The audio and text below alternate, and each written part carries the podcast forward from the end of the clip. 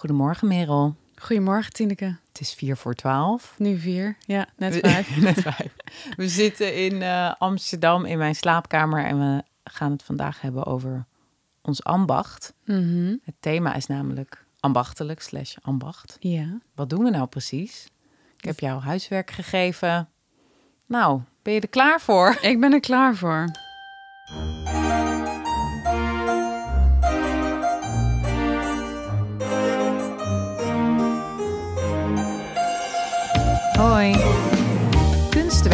In uitvoering. Met Tineke en Merel.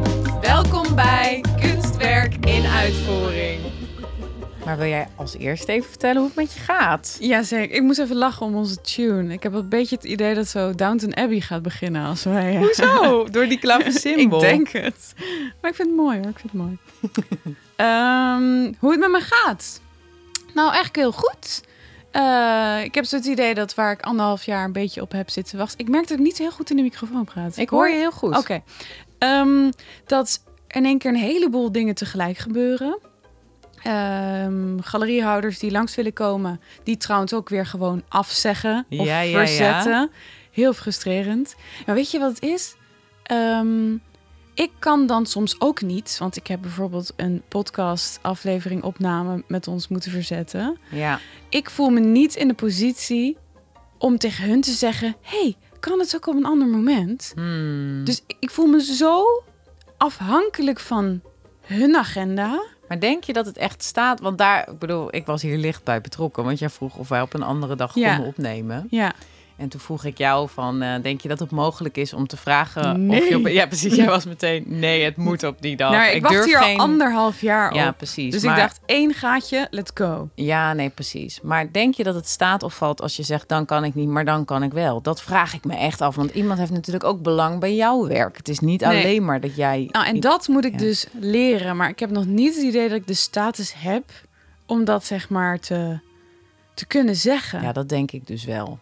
Ja, dan moet misschien de andere mensen dan vaker tegen me zeggen, want zo voelt het. Zo voelt het niet. Nee, ja, maar, maar het is is- ook een beetje soort van als iemand zo erg... Want deze persoon heeft ook last minute afgezegd. Hè? Ik bedoel, dat vind Ja. ik ook al een beetje... Ja, goed, er was een storm. Er was storm, ja.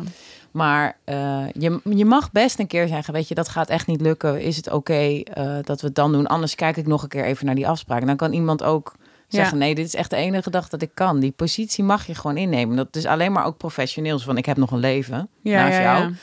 ja. maar weet je, ik wil het Ik ook nog andere dingen. Ja, nee, dat echt natuurlijk ook. Ja, te maar maken dat- met de dat er- eredivisie. Dus dan denk ik, ja, dan moet ik ook eh, overal ja op zeggen. Ja, want deze persoon komt dan kijken naar je kunst... en die kan dan vervolgens een deal met je sluiten. Of hoe Een werkt deal. Ja, deal or no deal. nou, die wil dan eh, misschien met mij samenwerken. Dat En is wat betekent het- samenwerken in dit geval? Eh, een tentoonstelling gaan maken met, Oh ja. z'n- met z'n tweeën. Ja, En dat wil ik wel zo ontzettend graag, omdat het zo'n... Ik durfde een plek niet te zeggen. Ehm, omdat het wel zo'n mooie plek is om tentoon te stellen. Dat je dan eigenlijk, ja, qua gevoel doe je, ja, wat ik zei, eredivisie. ja. nou, Dus- ik zou zeggen, als het allemaal doorgaat... mag je wel even vertellen, toch? Ja, Over welke plek Dat zal ik zeker doen. En dan mag een werk naar Brussel van mij. Dat, Die dat wordt- gaat sowieso gebeuren. Ja, die wordt opgenomen in een tentoonstelling in Brussel. Ah. En ehm, nou, dat klinkt altijd wel cool, vind ik, Brussel. Ik heb gewoon in België gestudeerd, cool. dus het komt zo en zo. Maar dan nog, het is wel... eh, Wat eh, gaaf. Wanneer gaat het daarheen? ehm, het is eind maart start de tentoonstelling. En hoe lang die duurt, weet ik Oh. nog allemaal niet. En wat wordt het thema? Ben je al, ben je, zoveel vragen. Ben je nu voor die tentoonstelling dan iets aan het maken? Of heb je al wat wat Nee, ze krijgen? Diegene heeft gewoon uitgezocht, of gewoon, eh, die stuurde mij gewoon een afbeelding van mijn Instagram. Van ik wil deze. En welk werk is dat? Het werk waar Kelly op zit, eh, op staat in een stoel, zittend. Oh, wauw. Ja. Maar eigenlijk wel jammer, want ik wilde die eigenlijk ook wel weer naar Amsterdam doen. En ineens, weet je, soms heb ik het gevoel alsof ik aan het schilderen ben voor mijn opslag. Zo van, Hmm. Dan komt het weer in mijn opslag. Oh, en nu denk ik in één keer, ja maar shit, nu heb ik eigenlijk bijna werk te weinig. Ja, nu wil je bijna hetzelfde werk naar twee plekken sturen. Precies, dus Ja. eh, En wat voor tentoonstelling is dat dan? Heeft het dan een bepaald thema? ja, dat weet ik allemaal nog niet. Dus je vraagt naar dingen die ik zelf eigenlijk nog ook allemaal niet helemaal weet. Spannend. Nou ja, Ja. misschien kunnen we er samen heen. Ja, Field En- trip. wat? Ja, leuk. Ga mee. Ik heb Ja. nu een auto. Hè? Dus, Ja, eh, ja, ja. Oh, wat ik ehm, ook nog wilde zeggen, en Ik uh, plant het even bij. Je hoeft niet meteen op te antwoorden. Ik dacht misschien leuk een nieuwe rubriek. Ja. Nu we namelijk met... Uh, er zijn al een aantal podcasts online. Afleveringen, ik blijf het zeggen, podcast. um, ik krijg af en toe totaal ongevraagd advies van mensen over, Over de wat? afleveringen.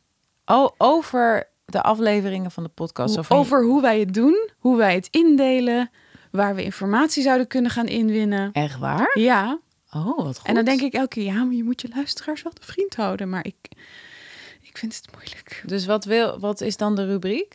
Dat is het Eh, bespreken van het ongevraagde advies. Ja, en hoe wij daar vervolgens misschien mee om kunnen gaan. Grappig, want ik heb eigenlijk juist iemand om advies gevraagd.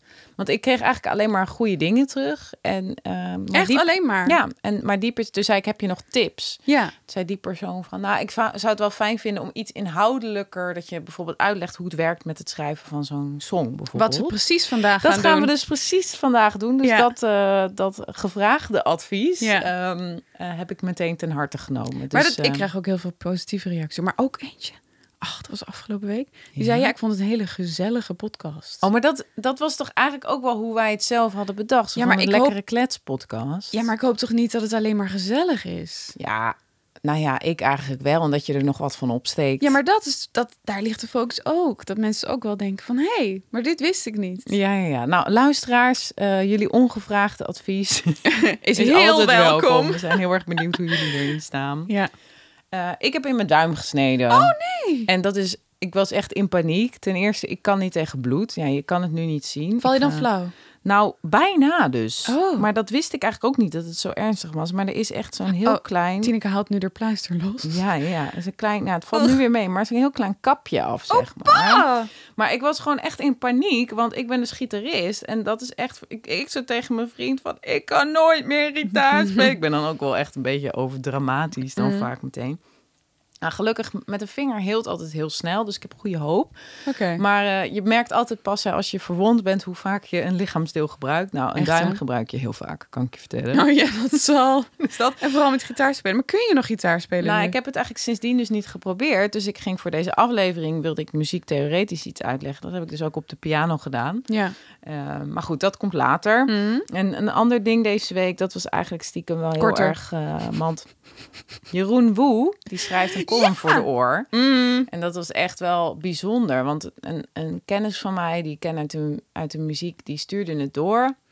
En het gaat eigenlijk, het is een beetje tweedelig. Het begint over de ophoping van de concerten. Dus dat dat dan weer gecanceld wordt, verplaatst, gecanceld, verplaatst vanwege corona. En dat er daarmee echt een achterstand komt, ook voor nieuwe beginnende acts. Ja. En ik was dat zo lekker aan het lezen, want iemand zei al, je album wordt daarin genoemd. En, eh, en die is vrij positief. Dus ik, waarschijnlijk heeft iemand al gestuurd, maar ik wil het graag met je delen. En ongeveer de helft van de column is echt een, lofzang over mijn ja, debuutalbum. echt heel cool. Dus daarna moest ik zo huilen. Ik was Oh, nee. helemaal ontdaan van hoe lief ik het vond. ah. En eh, eh, gewoon geraakt over dat iemand zo erg zijn waardering daarover uitspreekt. En dat Ja. het zo uitgelezen in zo'n column is. Nou, ik had het nog nooit zo eerder meegemaakt. En ik zit ook in zo'n fase waarin ik inderdaad nu wat minder speel. Om allemaal verschillende redenen. Maar vooral COVID is er een van de grootste redenen van. Maar ook Mhm. mijn band eh, heeft heel veel andere dingen te doen. Want het Ja. zijn allemaal mensen die ernaast moeten werken. En ook al in muziekprojecten zitten. Dus die gaan niet vast mee met mij op tour. Nee.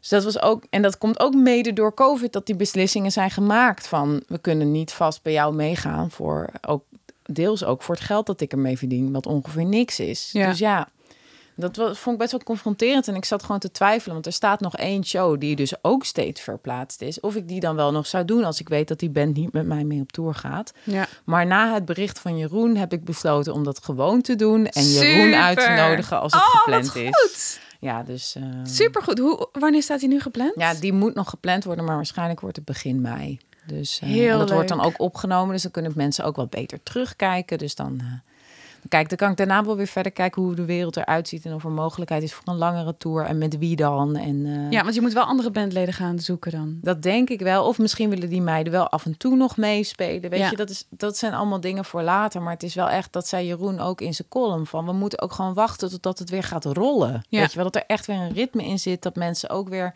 beginnende act meer willen ontdekken. Mhm. En dat is niet meteen in twee weken weer eh, Nee, terug bij af. Dus eh, Nee. terug bij af. Nou ja, terug bij hoe het was. heel goed, Tini.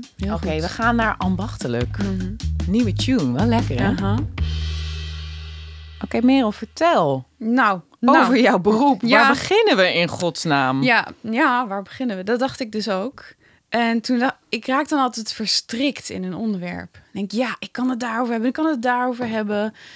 En wat ik dan meestal doe, is het opzoeken in het woordenboek. Waar, wat het betekent Ja, gewoon. van wat- Ambacht. Want ik raak altijd zo in een soort spinnenweb van, ja, maar nou ja, ik, eigenlijk wijk ik altijd totaal af van het thema. En het Oh, komt niet gewoon totaal, maar het is wel een vertrekpunt ja, bij jou. ja, precies. Dus ik dacht, nee, laat ik het nu eens gewoon echt over hierover hebben. Goed. Ja, Heel letterlijk. Ja, ja, ja. Ehm, ik heb opgezocht ook wat het verschil nou eigenlijk is tussen kunst en ambacht. Oké. Want bij ambacht denk ik vooral aan eh, een bakker die echt zijn eigen brood maakt. Die dat Mm. helemaal zelf met zijn handen en met bloed, zweet en tranen doet. Ja. Ehm, nou, dat, dat kwam wel enigszins overeen, want ehm, eh, Wikipedia of de Vandalen, ik weet het niet meer, die zei dat ambacht met hand en hersenen is. Hmm, dus niet alleen met hand, hè? Want daar, in- Nee. bij mijn Google Research kwam dat ook al naar voren. Want ik had precies wat jij had, dat het veel meer eh, met de hand is, maar het is een combi van. Precies. Ja. En kunst is emotie, gevoelens en visie. Dacht ik, oh, dat is wel een mooie tweedeling waar ik mee aan de gang kan. Driedeling dan. Of emotie en gevoelens was Ambacht één. en kunst. Dus eigenlijk, Oh, op die manier. want ik maak kunst. Ja. Maar het is natuurlijk de, de, de, de, hoe ik start, is puur ambachtelijk eigenlijk. Ja, als in letterlijk, Ja. je pakt een kwast. Maar ik neem je even helemaal mee in het proces ik van. zal eens even mijn mond houden. Ja, en oh, misschien moeten we ook vertellen dat we een, ehm, een klein filmpje gaan maken van als we eh, in ons eh, studio of atelier zijn. Ja, hoe ziet dat er dan eigenlijk Hoe ziet het uit? Hoe starten we? En ehm, Allemaal te zien op de Instagram. ja, nou, waar ik mee begin, Tineke. Ja. Ehm, ik heb een idee, maar dat idee ehm, moet ergens opkomen. Ik neem je echt mee alsof je echt een sukkel bent hierin, hè? Dat ben ik ook, Oké, goed. Oké, goed. Maar ja, dat is het hele idee van de podcast. Ehm, dan moet ik een canvas maken. En dat kun je kopen. Maar ik heb altijd van die onmogelijke grote formaten... die ik eh, niet op de fiets kan meenemen. Dus ik moet zelf latten kopen. Dat is het raamwerk erachter. Oké, mag ik al een vraag stellen? Natuurlijk. Dan weet je ook al dat jij sowieso met grote werken wil werken. Dat is al iets waar je mee bezig Ja, want Toch? stel dat ik ehm, eh, weer een portret, on- ongeveer de twintigste portret van jou wil gaan schilderen, bijvoorbeeld. Eh, en jij zou daarin staan. Ik wil nooit veel kleiner dan werkelijkheid werken. Oké, Dus altijd eigenlijk liefst iets groter dan werkelijk. ja, en dat koop je niet bij een gemiddelde. Nee, dat past waarschijnlijk niet eens door de deur. Dus ik moet het zelf eh, opspannen. Ehm, ja, eh, wel heel veel werk, heel zwaar werk. Dus echt, maar dat vind ik dus heel leuk. Dus ik voel me dan echt een soort timmer, timmervrouw. En eh, nou, die latsen zet je in elkaar. Dat is dan wel een soort van voorgezaagd. En die kun je heel makkelijk in elkaar schuiven. En dan moet je dat lijmen en nieten. Nou, dan heb je dat raam. En dan moet er canvas overheen. En dat kan linnen zijn of dat kan katoen zijn. Oké. Het kan ook jute zijn, maar dat is zo open. Oh ja, dat is minder werkbaar. Of dat- Precies. dan wordt, heb je ook gewoon een aparte stijl daardoor, zeg maar. Ja, echt een grove stijl kan heel goed op jute, maar linnen en katoen is eigenlijk het meest gangbare. Oké. En dan eh, moet ik dat opspannen. Dan begin je vanaf binnen. Eh, dus ik leg het doek neer op de grond. Eerst stofzuigen. Oh ja. Waar dan- haal je dat doek? Eh, ik ga vaak naar de markt. Of ik haal het bij... ehm, het beste linnen komt namelijk uit België. Ja. Dus dan heb ik eh, een adres in België... waar ik dan 10 meter op een rol haal. En die komen ze afleveren. Oh ja, en het is eigenlijk hetzelfde linnen waar kleren mee wordt gemaakt ook. Als Ehm, hetzelfde type nou, het is wel- materiaal als je het op de markt haalt. Het of- is wel echt wel heel stug. Oh ja. Dus dan heb je denk ik wel het idee alsof je een soort strakke koker aan hebt. Oh ja, oké. Het is misschien meer te vergelijken met een soort eh jeansstof. Oh ja. Beetje dat. Ja. Nou, dat leg ik dan neer. Ik knip ongeveer 10 centimeter uit de randen uit. En dan begin ik vanaf binnenuit op te spannen. Eh, dat heb, daar heb ik een spantang voor. Oh ja.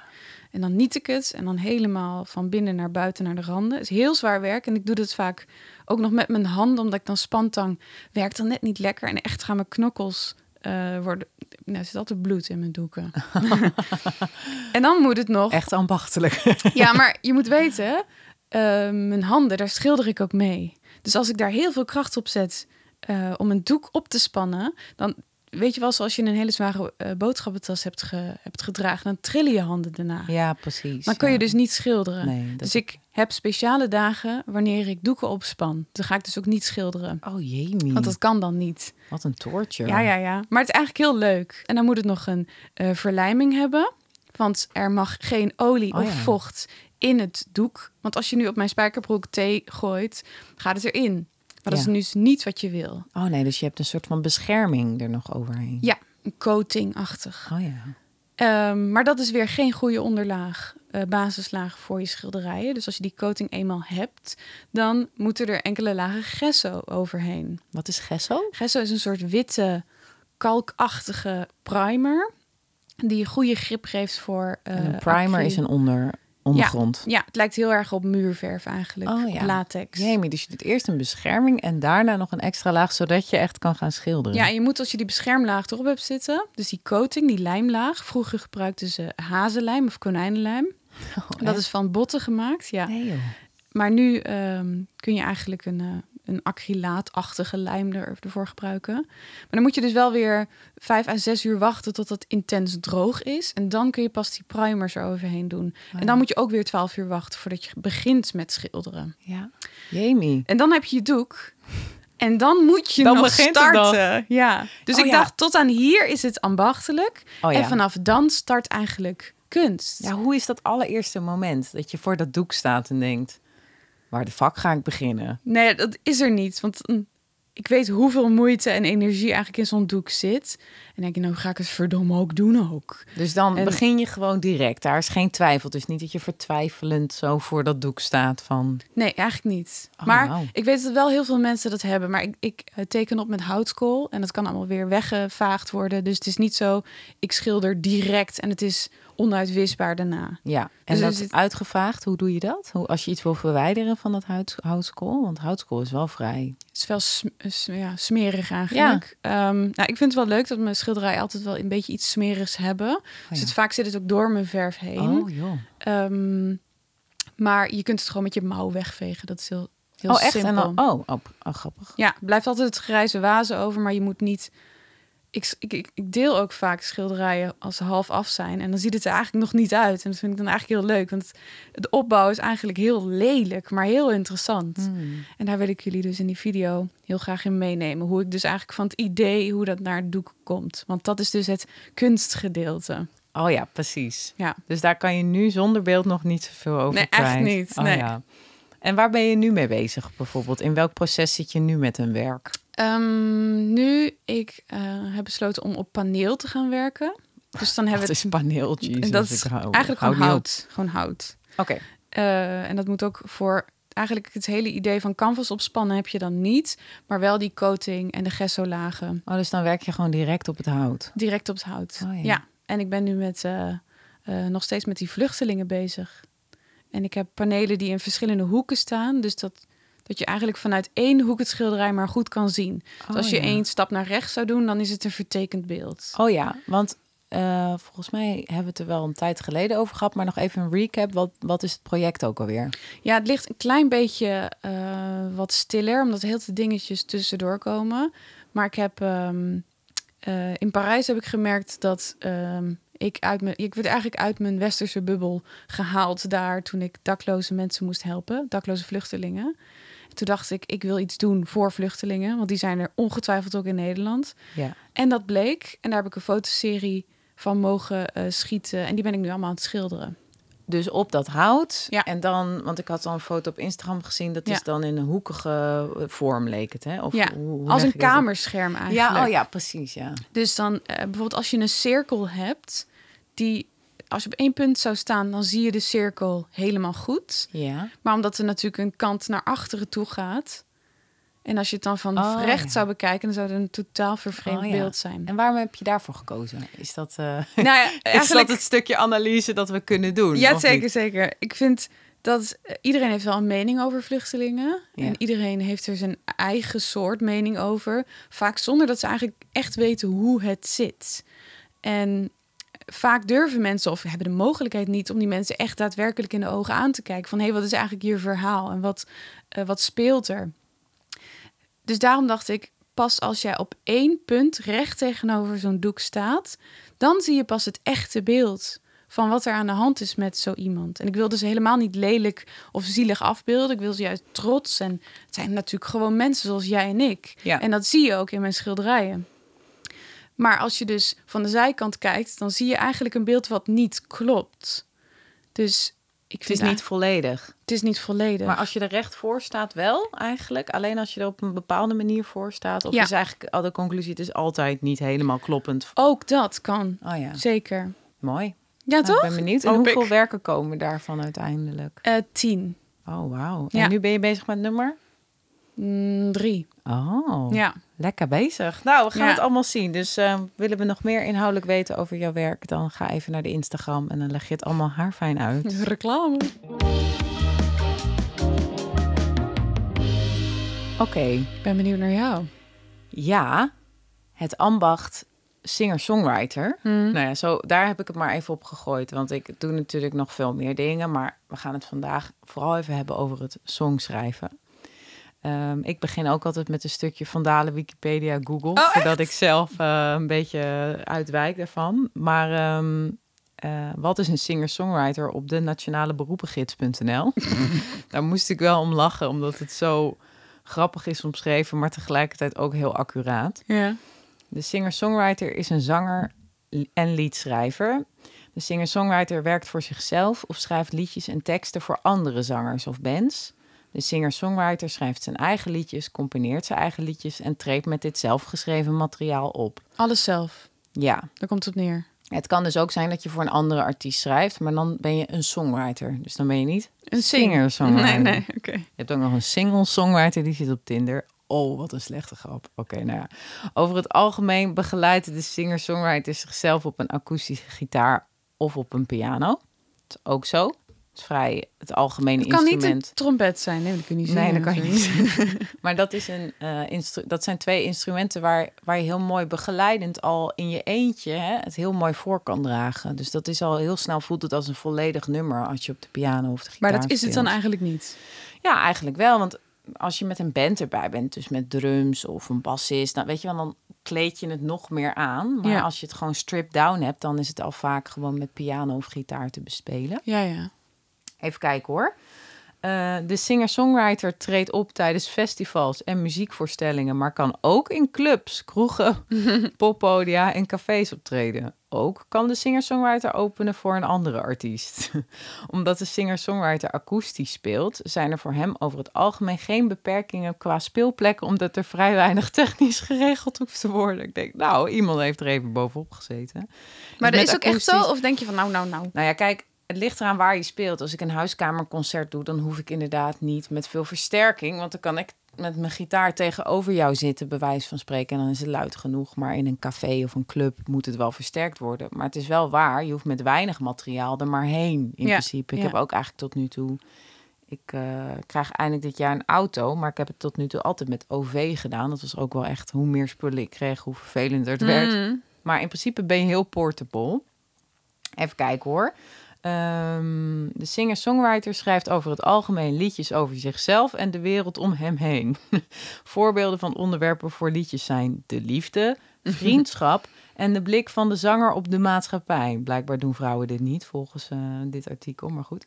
Naast liedjes voor zichzelf kan de singer-songwriter ook liedteksten voor anderen schrijven. Dat werd al gezegd. Mhm. De singer-songwriter heeft een opleiding aan het conservatorium, op de popacademie of een opleiding voor singer-songwriter gevolgd. Dat hoeft toch niet? Maar Oh. kan ook zonder opleiding als singer-songwriter zijn begonnen. De singer-songwriter heeft verstand van muziek, kan goed zingen, spelen en schrijven en weet zichzelf goed in de markt te zetten en zichzelf te verkopen om zoveel mogelijk plaatsen te kunnen spelen en naamsbekendheid te genereren. Hij heeft naast verstand van muziek daarom ook verstand van marketing en promotie. Oké dan. Dit is wel de singer-songwriter anno 2022. Ga er maar goed, aan staan. Ga er maar aan staan, wat een rotberoep. Nee, maar goed, dat is even hoe het beroep wordt gezien, anno nu. En dit is wel echt helemaal waar wat het betekent. Het zijn vaak mensen die heel ondernemend zijn en zichzelf en hun muziek in de markt moeten zetten, terwijl de nummers ook nog best wel over zichzelf gaan. Dus dat Ja. is over het algemeen. Hè? Narcistisch. Ja, dat zijn we. Zijn gewoon een stelletje narcisten allemaal. Nee, maar ehm, jij had gezegd van hoe komen die dingen tot stand? Hè? Dat was een beetje jouw vraagstuk van tevoren. Ik vroeg aan jou van wat zou je erover willen weten? Schrijft men eerst of is er eerst de muziek? Hmm. En hoe doe je dat dan? Hoe wordt zoiets normaal gedaan? Nou ja, natuurlijk zoals bij elk beroep, ja, kan je het op allemaal manieren aanvliegen. Ehm, ik denk wel wat je algemeen nodig hebt als, als, als songschrijver, laat ik het zo zeggen, is doorzettingsvermogen. Dus ehm, ik weet niet of je dat herkent in de kunst, maar ik heb best wel vaak dat als ik bezig ben, dat je al heel snel die kritische bovenkamer erbij krijgt, die het eigenlijk allemaal verschrikkelijk vindt. Dus dat je aan het maken bent en dan heb je eerst het enthousiasme en daarna komt een soort van de realisatie en dan wordt het Praat me allemaal er niet van. Ja, herken je dat oh, ook? heel erg. En dan Nee, denk je, was ik nou, maar economie gaan studeren. Precies, dus je Ja. begint en je denkt, dit is geniaal. En twintig minuten later kan je denken, waar Ja. ben ik aan begonnen? Waarom doe ik dit überhaupt? Weet je wat ik vaak doe? Als ik dan in mijn atelier ben en ik weet, en dan zit ik er heel dicht op en dan weet ik eigenlijk niet wat ik aan het doen ben, maar ik voel me er super slecht over. Maar het zou ook zomaar goed kunnen zijn. Dan denk ik, ik laat mezelf in het ongewisse. Kijk ik niet verder naar mijn schilderij, doe mijn licht uit en ga naar huis. Ja, Dan zie ik het pas de volgende dag Ja. als ik goed geslapen heb, Ja, zie ik het grappig weer. is dat proces. Hè? Maar Ja. het- wat ik ook merk is dat bij alles wat je maakt, wat ik maak, laat ik het op mezelf betrekken, heb ik dit. Dus ik heb het soms ook bij de podcast, dat we het aan het opnemen zijn en dat ik tijdens al zo buikpijn krijg van, wat ben ik aan het doen? Ja, ja. En heb dan luisteren we het een week later terug. En natuurlijk, we zijn heus wel kritisch op wat we doen. Maar meestal het gevoel dat je hebt als je het opneemt, Mm. het negatieve gevoel is tien keer zwaarder dan hoe het uiteindelijk overkomt. Ja. Dus dat proces, ja, dat ken Maar dat is ik ook perfectionisme, denk ik. Ja, maar ook dus niet helemaal, eigenlijk niet echt het vertrouwen hebben. Dus ook Nee. niet helemaal in sync zijn met, ja, maar ook vooral eh, jezelf niet toelaten staan om het een beetje, om het lelijk te mogen maken, om het niet goed te mogen doen. En dat is echt nodig voor een, een singer-songwriter. Klopt. Dat je ook echt poep van jezelf mag maken. Ja. Want anders blok je jezelf. Heb je dat wel eens gedaan dan? Ja, wel zo bewust. Ik heb een periode gehad, toen kon ik bijna niks meer maken. En toen heb ik dus tip gekregen van een docent van... ga heel Maak veel poep. maken. Ja, Ja. maak poep, letterlijk. Nee joh. Maakt niet uit of het poep is, als je maar maakt. Dus als je poep maakt, dan kan je jezelf een schouderklop geven... en zeggen, goed gedaan. Je hebt in ieder geval wat gedaan. Ja, precies. En dan, en dan voel je jezelf eigenlijk in je mindset... Ja, ja. En dan kan je ook wel echt over een soort van writersblok heen komen. Als je jezelf toestaat om het allerlelijkste te mogen maken, dan kan je alles maken. dus dan is het zoiets als je bent wel dat hersengedeelte wat je, dat dat raak je wel steeds aan. Dus Ja. dat blijft zeg maar functioneren in Ja. plaats van dat je het uitzet. Ja, En je weet door experiment dan ook eigenlijk heel goed wat je niet wil. Of misschien pik je er zelfs kleine dingen uit die je wel wil. ja precies. ja, ja. Ja. Mooi. En, is eigenlijk ehm, niet heel anders met Nee, nee, ik denk dat dat bij het creatieve beroep sowieso wel een beetje zo werkt. Mhm. Eh, vert- ik, ik loop het even bij langs. Ja, En, hoor. ehm, eh, even los van theoretische dingen die ik nog even toe wil lichten. Vertrouwen op het intuïtieve en jezelf toestaan om geluid te produceren, om tekst hardop te zeggen en te zingen ook. Durf keuzes te maken. Eh, dus op een gegeven moment moet je ook door. Dan moet je het een laten liggen en verder. Eh, maar goed, het uitgangspunt, even voor de ambacht, is dat, dat je een instrument beheerst. Dus dat je ergens mee aan de slag kan en Ja. vanuit daar een keuze kan maken. Dus je kan werken vanuit een ritme, vanuit een tekst, vanuit een akkoord. En persoonlijk bij mij was het vroeger heel erg vanuit die gitaartokkel. Dan zat ik gewoon een beetje te pielen, ging Ja. daar een beetje overheen neurien. Maar dat weet ik nog in, eh, toen ik naast ja, je woonde. Ja, jij hebt dat Ja. toen ook meegemaakt. En maar voor mijn album Reply to All heb ik dat omgegooid. Dacht ik, nou, ik wil nu een keer met een tekst beginnen, nu met een beat beginnen. Weet je wel, dat je gewoon... Dus ja, voor alles va- valt wat te zeggen. En er zijn heel leuke, dat is echt een leuke kijktip. The Story of van Vice. Daar gaan ze allemaal van die One Day Hit Wonders of Shaggy met It Wasn't Me, weet je wel. Gaan ze vragen, hoe is dat nummer tot stand gekomen? Mhm. En dan zie je ook de willekeur van hoe iets tot Ja, stand vaak, komt. hè? Ja. Ja. En, eh, en er is ook een heel goede podcast. Daar is ook nog een korte Netflix-reeks van gekomen. Dat heet Song Exploder. En het is hetzelfde idee. Dan leggen ze echt uit. Nou, ik zat in deze kamer en toen kreeg ik dit deuntje in mijn hoofd. En toen gebeurde er dit en dat en zus en zo. Mm. En ja, soms is het ook heel echt eh, dat je echt hoort van er zit echt ambacht in en weinig gevoel. En soms is het alleen maar vanuit gevoel Ja, en maar- wordt het geshaped. En eh, Maakt dat dan saai, zeg maar? wat bedoel je? Hè, wat je zegt, het ambacht, dat is helemaal bedacht en dik in orde. Ik snap niet zo goed wat je bedoelt. Je zei net, eh, het kan ook ambacht zijn dat het helemaal bedacht is. Helemaal. Oh ja, precies. Dus dat er geen gevoel in zit, maar dat je denkt, oké, ik wil gewoon een hit schrijven. Ja. En ehm, Is dat nou ja, saaier? Nou ja, nee, nee, het is gewoon een invalshoek. Ja, het is ja. gewoon een manier om het te doen. En ik denk dat het per songwriter anders werkt. En ik denk dat voor elke songwriter de uitdaging ligt om verschillende invalshoeken uit te proberen. Ik zit even te denken, want ik wilde eigenlijk nog allemaal dingen laten horen. Ga ik denk ik toch even snel doen. Mhm. Je hebt dus Teenage Dirtbag. I'm just a teenage dirtbag, baby. Ken je het nummer nog? Oh, nee, dit is niet het goede audiofragment. Klein lesje akkoord. Die komt erna. Dat is leuk. Klein lesje akkoorden. Maar dan kan je dus even zien hoe hij dat gitaarloopje, hoe, hoe dat tot stand is gekomen. Dat legt hij even kort uit. En dan zie je gewoon een beetje hoe dat denkproces van iemand Ja. gaat. Klein stukje. The guitar riff for Teenage Dirtbag going all the way back to partially in high school, I had that sort of formation. Right? That E chord. That's the E chord from Tom Sawyer. You know, and it's the first chord from Back in Black. In that spot, I felt like I had to come up with a voice because every other rock band had a big song in E. I wanted to figure out how to make my own version of that. And over time, you know, came up with this.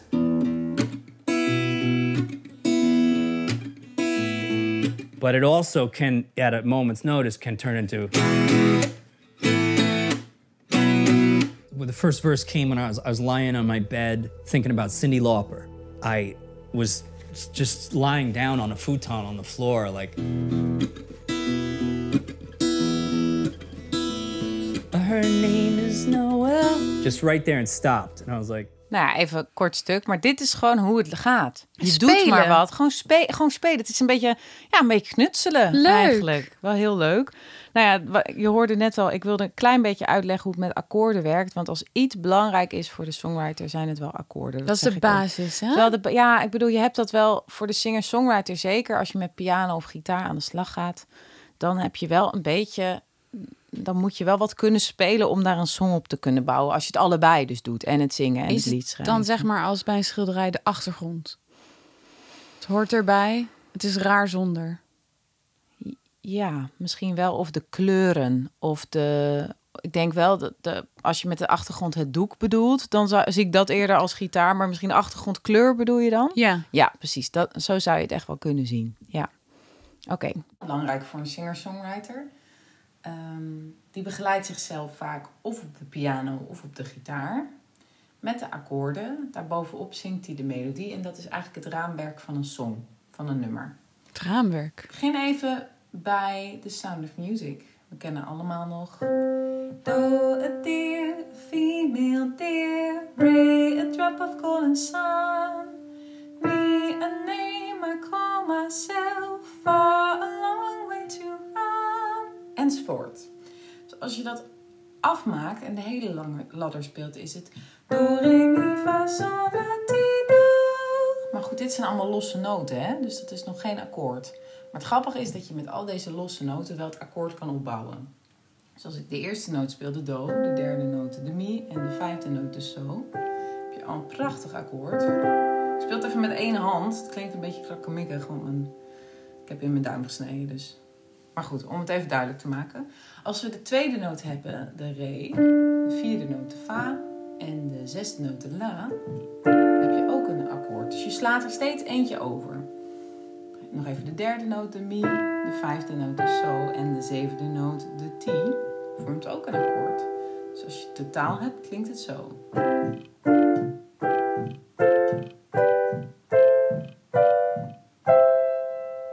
Deze reeks akkoorden kan je een nummer bouwen. En om even te laten horen, Bill Withers heeft het nummer Lean on Me gemaakt. En daarin speelt hij het echt af in een rijtje. Let maar op.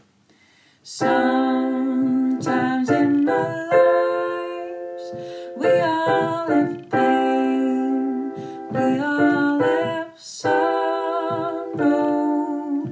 Nou ja, enzovoort. Dus met akkoorden kan je een nummer opbouwen. Is het een beetje duidelijk zo? Zijn er nog vragen?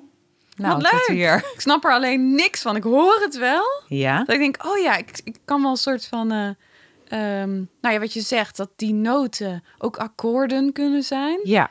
Maar al de tilado, uh, geen. Ik heb geen idee wat je dan zegt. Wat ik dan eigenlijk. Nou, misschien is dat leuk dan voor uh, de Instagram-film dat ik het nog even laat zien. Dat is mooi, ja. Want nu heb je alleen de audio, dat je het even kan vertalen naar het instrument. Ja.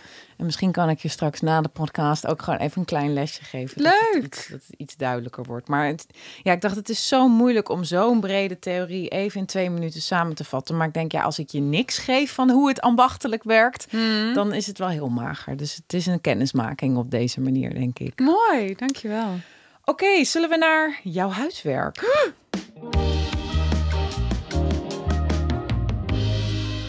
Ja. Ja, nou, vertel maar. Uh, of zal ik nog even zeggen wat je moest doen? Of oh, dat is goed, doe maar. Nou, je hebt van mij het boek Nocturne van Kazuo Ishiguro gekregen. en uh, de vraag was of je daar een kort verhaal uit wilde lezen. En uh, nou ja, het, gaat, het zijn muzikale verhalen, dus gaat veel over muzikanten of veel over muziek. Dus ja. nou, korte verhalen, dus ik ben benieuwd. Heb je het zelf Tell gelezen me. eigenlijk? Ja, ik heb het gelezen, ja. Oké, okay, helemaal. Helemaal en uh, ook in een korte tijd, dus ik weet er niet zo 100% veel meer van. Dus okay. ik dacht, dat is misschien juist wel leuk. Dan ga ik er ook weer redelijk fris in als je iets vertelt. Oké. Okay. Um, uh, ik, ik denk, ik heb ik het per ongeluk het allerlangste verhaal gekozen. Oké. Maar het las heel lekker, dus ik vond het niet erg om te doen. Uh, ik had wel, ik moest eerst Harry Potter uit hebben, wilde ik hier aan starten. Vond oh ik joh, dus er zat nog een pressure bij.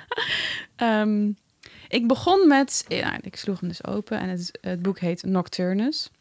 Toen dacht ik, nou, dan laat ik ook gewoon Nocturne gaan lezen. Oh ja, ja.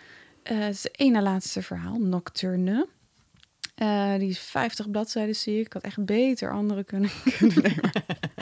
um, het begon. Uh, moet ik ook vertellen waar het over gaat? Ja, ja wat je wil vertellen, wat er okay. van is bijgebleven. Nou, het gaat over een saxofonist. Hij is heel goed, maar hij is lelijk. Oh ja, oh ja, ik ben er weer. En hij, um, zijn vrouw gaat op een gegeven moment bij hem weg en geeft hem. Zij is dan op, op een gegeven moment bij een rijke vrouw, oh, bij een rijke man. En dan krijgt hij als cadeau een gezichtsverbouwing. Ja, oh ja. Als en, een soort van goedmaker voor het weggaan, toch? Zoiets. Maar ik dacht ook, ja, maar wil ze dan bij hem terugkomen? Want dan is het gewoon een lekker ding of zo. Ja. Uh, en op een gegeven moment, waar het grootste gedeelte van het verhaal zich afspeelt, is dat hij aan het um, um, herstellen is in een heel duur hotel. En er zit zijn hele gezicht in het verband, dus hij is helemaal niet herkenbaar. En zijn buurvrouw is Lindy Gardner. En dat is dan een heel bekende Amerikaanse met een heel bekende, bekende man, waar, waar ze dan net van gescheiden is.